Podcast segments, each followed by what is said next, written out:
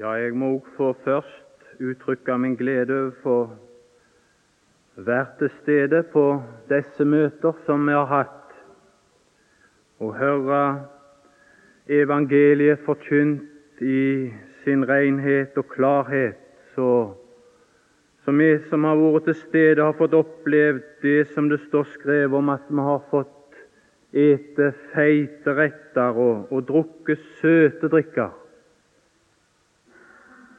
Og I den forbindelse så synes jeg det òg sømmer seg å passe at det kunne være et, et misjonsmøte, sånn som det videre står i det vers, at vi kunne sende derav dette som vi kan nyte og har fått del i, videre til deg som ingenting er lagt til for. Det kunne kanskje òg være en sånn i vårt møte i kveld, men i alle fall så kjenner jeg til at det er tusener og millioner i det land som òg jeg har hatt anledning å være i, som nå familien Sjøensei, som flere kjenner til. Der er en uhyggelig nød i så måte. Men det er, ikke, det er ikke denne nød som driver oss.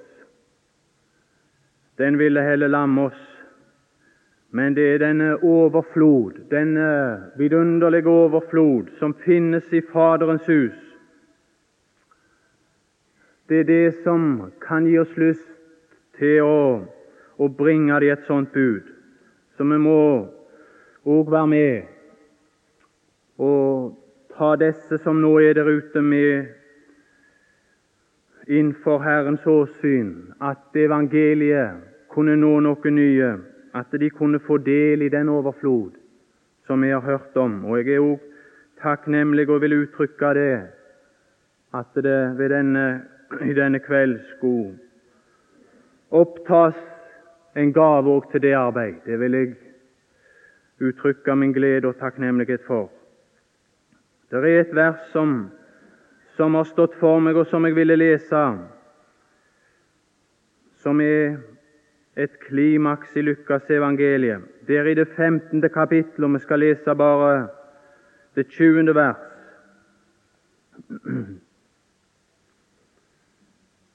Lukas evangeliet, og der, der i det 15. kapittel og det 20. vers. Og han sto opp og kom til sin far. Men da han ennå var langt borte, så hans far ham, og han ynkedes inderlig og løp til og falt ham om halsen og kysset ham.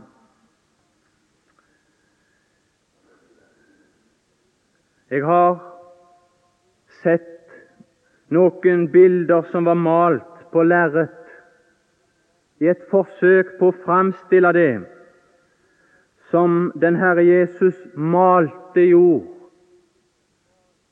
i denne lignelse her i Lukas 15. Men jeg har aldri sett at de bilder som har vært malt, har vært sanne. At de har virkelig på lerret framstilt det som kommer fram i disse ord som kom fra den Herre Jesus. For jeg har stor tvil om det går an på lerret å framstille dette vidunderlige som den Herre Jesus talte om her ved denne anledning. Det den Herre Jesus taler om her, det den Herre Jesus framstiller og utsier her ved denne anledning, det er Faderens hjerte. Og det var, det var bare han som kunne det. Det var bare han som kunne utsi Faderens hjerte, fordi det var bare han som kjente det som bodde i dypet av Faderens hjerte. Og han har utsagt det. Så det er en åpenbar ting, og det er en vidunderlig sannhet. Evangeliets største sannhet evangeliets største herlighet, største velsignelse, det er Gud sjøl som er åpenbart i evangeliet. Evangeliet har gitt meg Gud. Gud er tilværelsens største gode. Over Gud så eksisterer det ikke noe som er større i velsignelse, i godhet. Og evangeliet, det har gitt meg Gud. Det går an å tenke på menneskets synd som et spørsmål som skal bli dømt om i lys av rettferdighet foran Gud. Og det er en sannhet i Guds ord. Men allikevel, i en betydning, så beveger Gud seg over alt det der. Og så påstår han sin rett til å vise hva han sjøl er, til å framvise seg sjøl, på tross av synd, på tross av menneskets innvendinger. Han vil handle etter sitt hjertes følelser. Han vil ikke ta karakter av menneskene. Om man må handle med synden, om man må vise hva den er, om man må bortta synden, så gjennom alt og overalt så vil Gud, den velsignede Gud, vil framvise seg sjøl for oss. I en betydning så når Gud kom, så skjulte han seg. Han skjulte seg i denne personen som uttalte disse ord. Han skjulte seg i menneskesønnen. Han kunne ikke kommet i sin herlighetsglans. Vi ville ikke ha tålt det. Men når han kom som et menneske i fornedrelsen, så, så gjorde de innsigelser. Så knurra de. Så fant de feil. Så kom de med all slags motsigelser. Men det bare tvang og pressa på den Herre Jesus til å åpenbare til fulle hva Gud er, hva den evige Gud er, hva den Herre Jesus var som Gud. Og det er det vi får her i det 15. kapittel. De har tvunget han og presset han til å framsi hele sannheten om den evige Gud. Og det vidunderlige er at Gud vil være Gud. Gud vil være Gud. Om det var det som kunne gjøre Gud glad, så vil Gud ha sin glede på tross av motsigelser. De knurrer av at han mottok syndere råd med dem. Gud vil ha sin glede, og det er at han kunne forhandle i kjærlighet. I sin grenseløse miskunn og barmhjertighet. Og det er nettopp det som mennesket har noe å si imot innvendinger. De har ingenting å si på at Gud skal dømme. De har ingenting å si på at Gud er rettferdig. For i sin stolthet så tror de at de kan stå for Gud på den grunn. Men når Gud kommer, for å handle i ren godhet og pur kjærlighet, så kommer de med innvendinger. Det står her i det 20. vers og han sto opp. Og han sto opp, og vi ville tenkt at det ville videre stått, og han hadde en lang vei for seg. Og han sto opp og han begynte på omvendelsens vei. Men det er ikke det det står. Det står noe her som i alle fall for min del gir meg en stor frimodighet til å anbefale den evige Gud til din sjel, om du skulle være her, som ikke har møtt den evige Gud. Og han sto opp og kom til sin far. Men hvorledes kan det gå an at det kunne skje så med det samme, uten noen lang vei, uten noen lang omvendelsens vei? Det står videre, resten av verset forklarer det. hvorfor han kom til sin far med det samme. Men da han ennå var langt borte, så hans far han, og så var han der med en gang. Og den Herre Jesus, når han maler den evige Gud, han som kjente Gud til bånds, så, så antyder han ikke at denne, den fortapte sønn, tok et eneste skritt.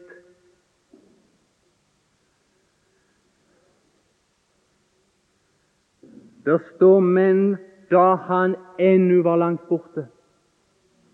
Og det er det samme vers, det er det samme ord som her er brukt, som det er talt om litt ovenfor, at han var i det landet langt borte. Om du skulle være her som ikke har møtt Gud, så behøver du ikke begynne i kveld på noen lang omvendelsesvei. Du behøver ikke kave deg fram. Om du ville stå opp i ditt hjerte, så ville Han være der med en gang. Så ville det ikke være noen lang reise. Det går ikke an å male dette her. Han var der med en gang. Og han sto opp. Om du sto opp, om det ble et brudd, så var han der med en gang. Tenk hvor vidunderlig. Tenk for en Gud. Denne Gud som lar seg åpenbare her. Han ville omfavne deg. Han ville ta deg med en gang. Og så står det at han løp til, falt ham om halsen og kysset ham. Egentlig så står det her at han dekket ham med kyss. Og disse kyss, de uttrykker vel den kjærlighet som var i hans hjerte, som kysste den fortapte sønn. En kjærlighet som var så fyrig, så intens, at Gud nesten oppfører seg på en måte som vi ville tro var usømmelig for Gud.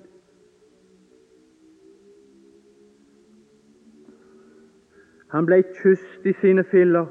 Du kan komme i dine synder totalt uskikka for huset. Så kom han, og så omfavner han deg, og så ble du dekka med kyss. Det var liksom det var liksom Guds hjerte og dybden i hans hjerte. Det dypeste av hans hjerte vella utover den fortapte sønn, sånn at den fortapte sønn måtte få den bevissthet i sin sjel at han elsker meg av hele sitt hjerte. Han elsker meg ikke på skrømt, men av hele sin sjel.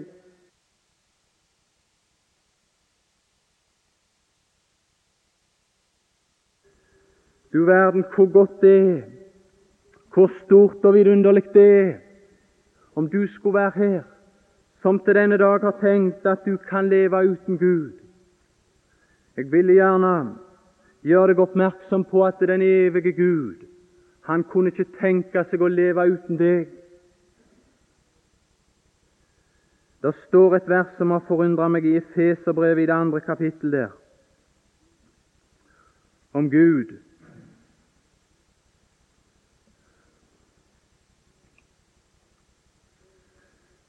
Det står der i det fjerde vers etter at det som du er, det som ethvert syndig menneske er, men så står det noe som kom inn. Men Gud, men Gud, som er rik på miskunn, har for sin store kjærlighets skyld, som Han elsket oss med, Ikke alene var det det at den evige Gud elska deg sånn, på en sånn måte at han ikke kunne se syn med at du skulle gå fortapt.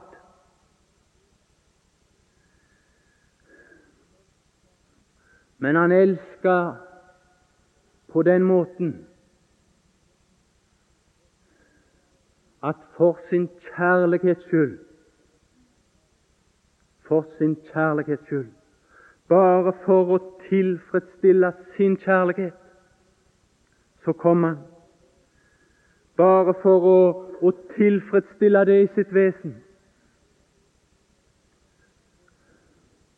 Så kom han, så vil han omfavne deg. Så vil han la sin kjærlighet bryte utover deg. For sin kjærlighets skyld, som han elsket oss med. Bare for at han skulle kunne være tilfreds i sin kjærlighet. At han skulle føle at han hadde fått elske deg sånn som det var kjærlighet i hans hjerte. Sånn som det var følelser av godhet for deg i hans hjerte. Én ting var det at han som hadde tapt deg, han ønska deg. Han som hadde tapt meg, han ønska meg, og han har fått meg. Men jeg må si at det var en stor forundring i mitt hjerte når jeg oppdaga og så, slik som den Herre Jesus malte den evige Gud her, at det var en lykke for Gud å finne meg. Det var en lykke for Gud å finne meg, og større enn det tror jeg ingenting er. Den evige Gud, etter sitt hjerte og etter det som var i hans hjerte, bryter utover meg, gir meg denne sterke bevissthet han elsker meg av sitt hjerte, ifra dypet av sitt hjerte. Du verden hvor vidunderlig det er å ha fått den bevissthet inn i sin sjel. Har du fått det? Har du den forståelse av den evige Gud? Eller regner du med at hvis du skulle bli frelst, så var det for å bli beskytta fra denne Gud? Så var det en frelse som måtte være såpass stor at den kunne makte å redde deg fra at Guds vrede skulle ramme deg. Ja, selvfølgelig, om det, om det er gode nyheter i evangeliet, så måtte det være så stort at det dekket ditt behov. Men Gud hadde et behov i sitt hjerte. Gud hadde et behov i sitt hjerte. Han hadde en fylde av kjærlighet i sitt hjerte. Skulle han tilfredsstille sin kjærlighet, så måtte det være at du ble funnet. At han fikk tilfredsstille seg på deg men Gud for sin kjærlighets skyld. Men når den bevissthet kom inn i mitt hjerte om at det var, det var en lykke for Gud å finne meg og få ha meg, så fant Han meg og omfavna meg i mine filler, i mine synder og i all min elendighet. Men ingenting kunne være større enn at Gud skulle være sånn innstilt mot meg, nære sånne tanker, ha en sånn innstilling i sitt hjerte til meg, enn det som han uttrykte når han kom og omfavna meg og dekka meg med kyss. Ingenting kan være større enn det. Største i tilværelsen er Gud, og når Gud er sånn innstilt, så kan ingenting være større. Men allikevel når dette var kommet som en bevissthet i mitt hjerte, så var det et nytt behov som var skapt, og det var at det kunne være skikka for denne person som elsker meg så intenst. Jeg er så uskikka i mine filler, i min synd og elendighet, at jeg kunne føle trang for å være skikka for den personen som har uttrykt et sånn en kjærlighet ifra sitt hjerte til å ha meg. Og da, da kommer det som det neste her med en gang. Og det er at det er en lykke for Faderen å ha deg i sin nærhet, i ære, i skikkethet for sin nærhet. Så det kommer inn her. Det kommer fram noe som det nevnes i det 22. vers, ta frem den beste kledning og ha den på ham. Det ble sagt til tjenerne her. Og jeg synes at de tjenere som vi har hatt på bibelkurset her, de har gjort seg mye med det. Å få, få ikledd oss, de som er kommet bevisstheten om skikkethet for Gud. Den beste kledning, ikledd den beste kledning. Og da vil jeg bare si det, for det har vært framme så, så klart og så tydelig. Men det er en ting som har forundra meg her med den beste kledning som Faderhuset hadde å by på. Med en gang Faderen kom her, så er hele scenen fullt av Faderens person. Det er ikke lenger den fortapte sønn, men det er Faderen. Det er hans hjerte. Det er hans sinn. Det er det hans hus kan frambringe. Det er det som fyller hele scenen. Det er det som fyller hele huset. Og her har han noe den beste kledning. Den fortapte sønn, han hadde allerede fått utmålt en arv, men den beste kledning, den hørte ikke med til den første arv. Den beste kledning, det er en skikkethet for Gud som går langt utover det at du og jeg bare skulle bli sånn som Adam var før han synda. Å nei, det er noe her som sikkert er usigelig, utsigelig. Den beste kledning. Det som skal, som skal gi uttrykk til hele huset om den glede som Faderen har i å ha oss der, og ha oss der i ære hos seg sjøl.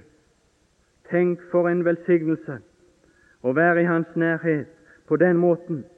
Det hørte ikke med til den, til den første arv som han fikk utdelt. Dette her var ressurser i Faderens hus som kom for dagen når han hadde spolert alt, når han hadde øtt opp alt. Tenk den evige Gud. Han hadde noe å by på. Han hadde noe som han kunne ta fram fra sitt hus og ikle oss, og ikle oss som vi kunne være, skikka for Hans nærhet og skikka etter Hans behag, så vi kunne være der sånn at Han var tilfreds med å ha oss der på den måten.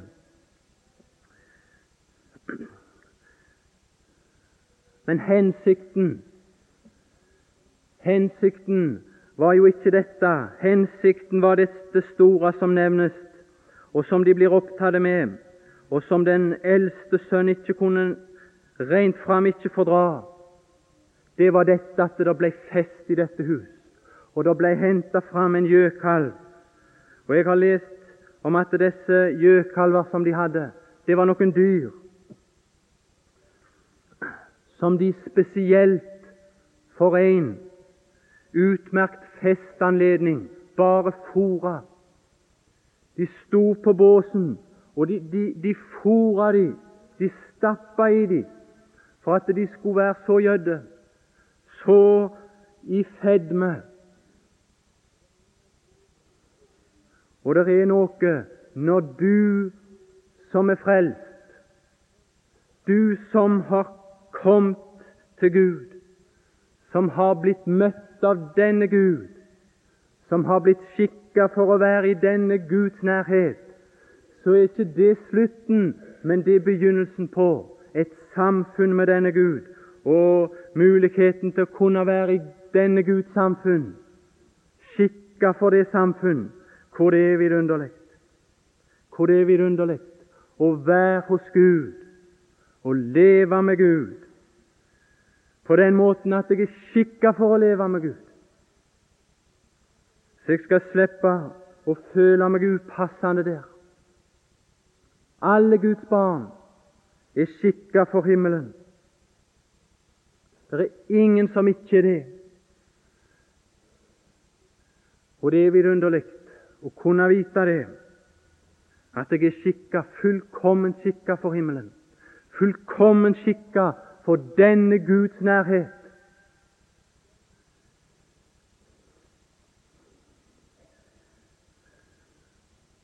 Men det er noe som da blir klart, og det er at denne Gud, han har noe da, noe som jeg skal nyte i hans samfunn, noe som han vil at jeg skulle innta og du skulle innta, og det var for å for å bli kjent med hans hjerte. For å bli kjent med hans hjerte, for å kunne lære han å kjenne, leve i hans samfunn på den måten. Hvordan er det med den enkelte av oss? Nå vil jeg spørre de av oss som, som er frelst, som har trodd på den Herre Jesus, som har møtt denne Gud. Lever du og jeg, lever du med Faderen på grunnlag av det som Faderen har vist seg å være?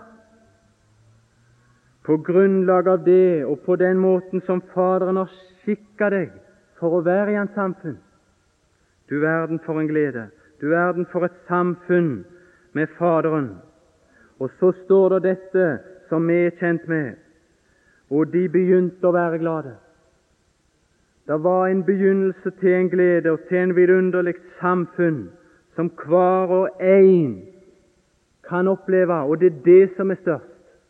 Samfunnet som følge av å kunne være i hans nærhet, skikka for hans nærhet, skikka for hans samfunn, som har elsket oss så, som har begjært oss for seg sjøl, i sitt samfunn, og som ønsker å dele dette med oss.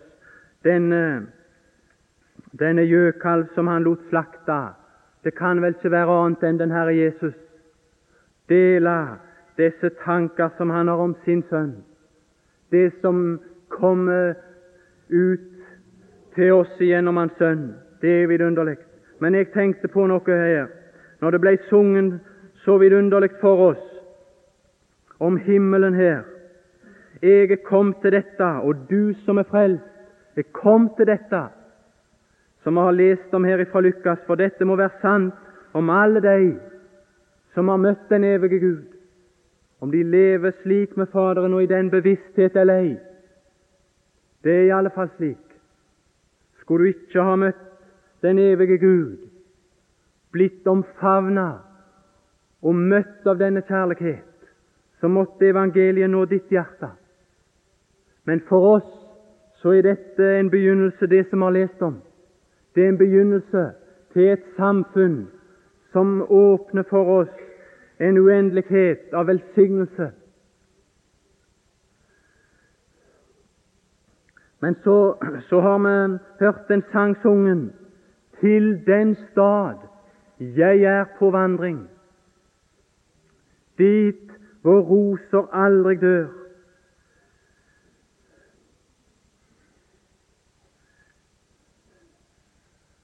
Det er begynt et samfunn. Jeg har opplevd det.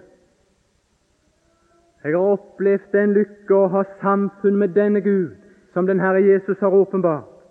Han, han som kom, kom ifra fra guddommens høyeste høyder ned her og gikk til Golgatas dypeste ved for å forandre dine tanker, for å forandre mine tanker om Gud og for å føre inn i våre hjerter tanker om den sanne Gud. Og slik var han, og jeg er blitt ført til samfunn med denne Gud. For en lykke for meg å leve i samfunn med denne Gud. Men så er jeg på vandring til en stad der rosene aldri dør, der de aldri visner hen. Hva er du på vandring til?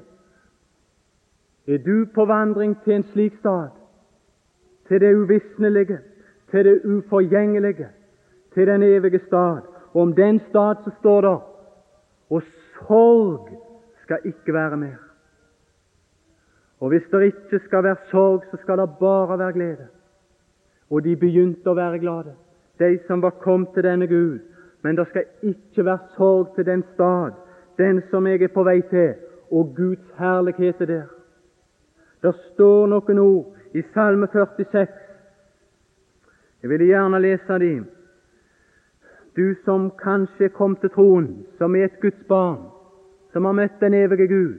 Du går ingen ørkesløs evighet i møte. Om du er kommet til troen på den evige Gud, kom til samfunn med den evige Gud, så går du ingen ørkesløs evighet i møte. Den evige Gud skal ikke trette din sjel i evigheten.